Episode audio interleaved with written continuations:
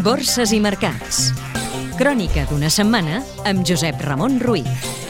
Setmana bursària marcada per la injecció al sistema financer europeu de mig bilió d'euros en la segona operació de finançament a l'1% i a 3 anys del Banc Central Europeu, també per l'escalada de preus del petroli, per la decisió de l'agència Standard Poor's de rebaixar el rating de Grècia al nivell d'insolvència, per la convocatòria d'un referèndum a Irlanda sobre el pacte fiscal europeu i per la decisió del govern espanyol de canviar unilateralment la seva previsió de dèficit públic per aquest 2012. Pràcticament pla, l'IBEX 35 de dilluns a divendres ha pujat per sota del mig punt percentual i se situen als 8.563 punts, la setmana que el Tresor, amb una bona demanda, ha col·locat 4.500 milions d'euros en bons i obligacions a 2, 3 i 5 anys pagant els interessos més baixos des del 2010. La borsa espanyola ha tancat el mes de febrer amb un descens del 0,50% per la davallada del negoci davant dels guanys a Europa i dels màxims als Estats Units.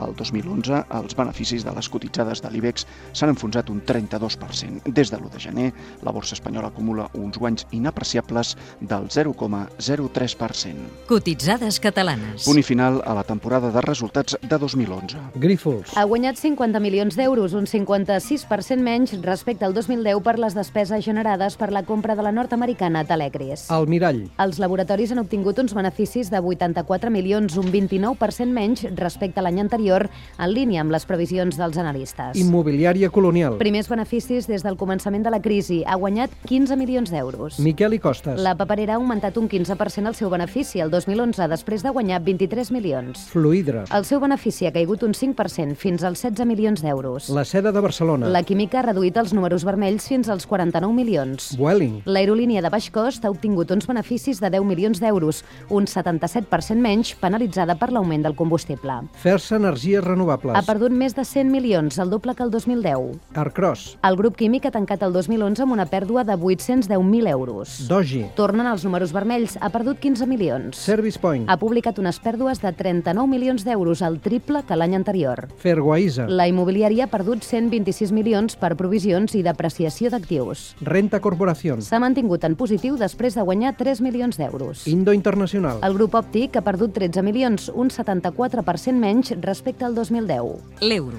S'ha depreciat lleument aquesta setmana respecte de la moneda nord-americana decebut per les poques expectatives sobre futurs estímuls del Banc Central Europeu. Afablit aquest divendres, el BCE, que ha rebutjat temporalment el deute grec com a garantia, n'ha fixat el seu canvi oficial a 1,3217 dòlars. El petroli. El preu del barril de cru tipus Brent, el de referència a Europa, s'ha encarit impulsat per dues explosions en oleoductes de l'Aràbia Saudita i per les tensions a l'Iran i Síria. Aquesta setmana ha superat els 128 dòlars, el preu més alt des del juliol de 2008. Vocabulari financer. Què és la Fairness Opinion? Les empreses que volen començar determinades operacions complexes, com ara adquisicions o l'admissió d'accions, necessiten l'opinió de professionals independents que certifiquin el valor just que s'està pagant per l'operació en l'objectiu que tingui èxit.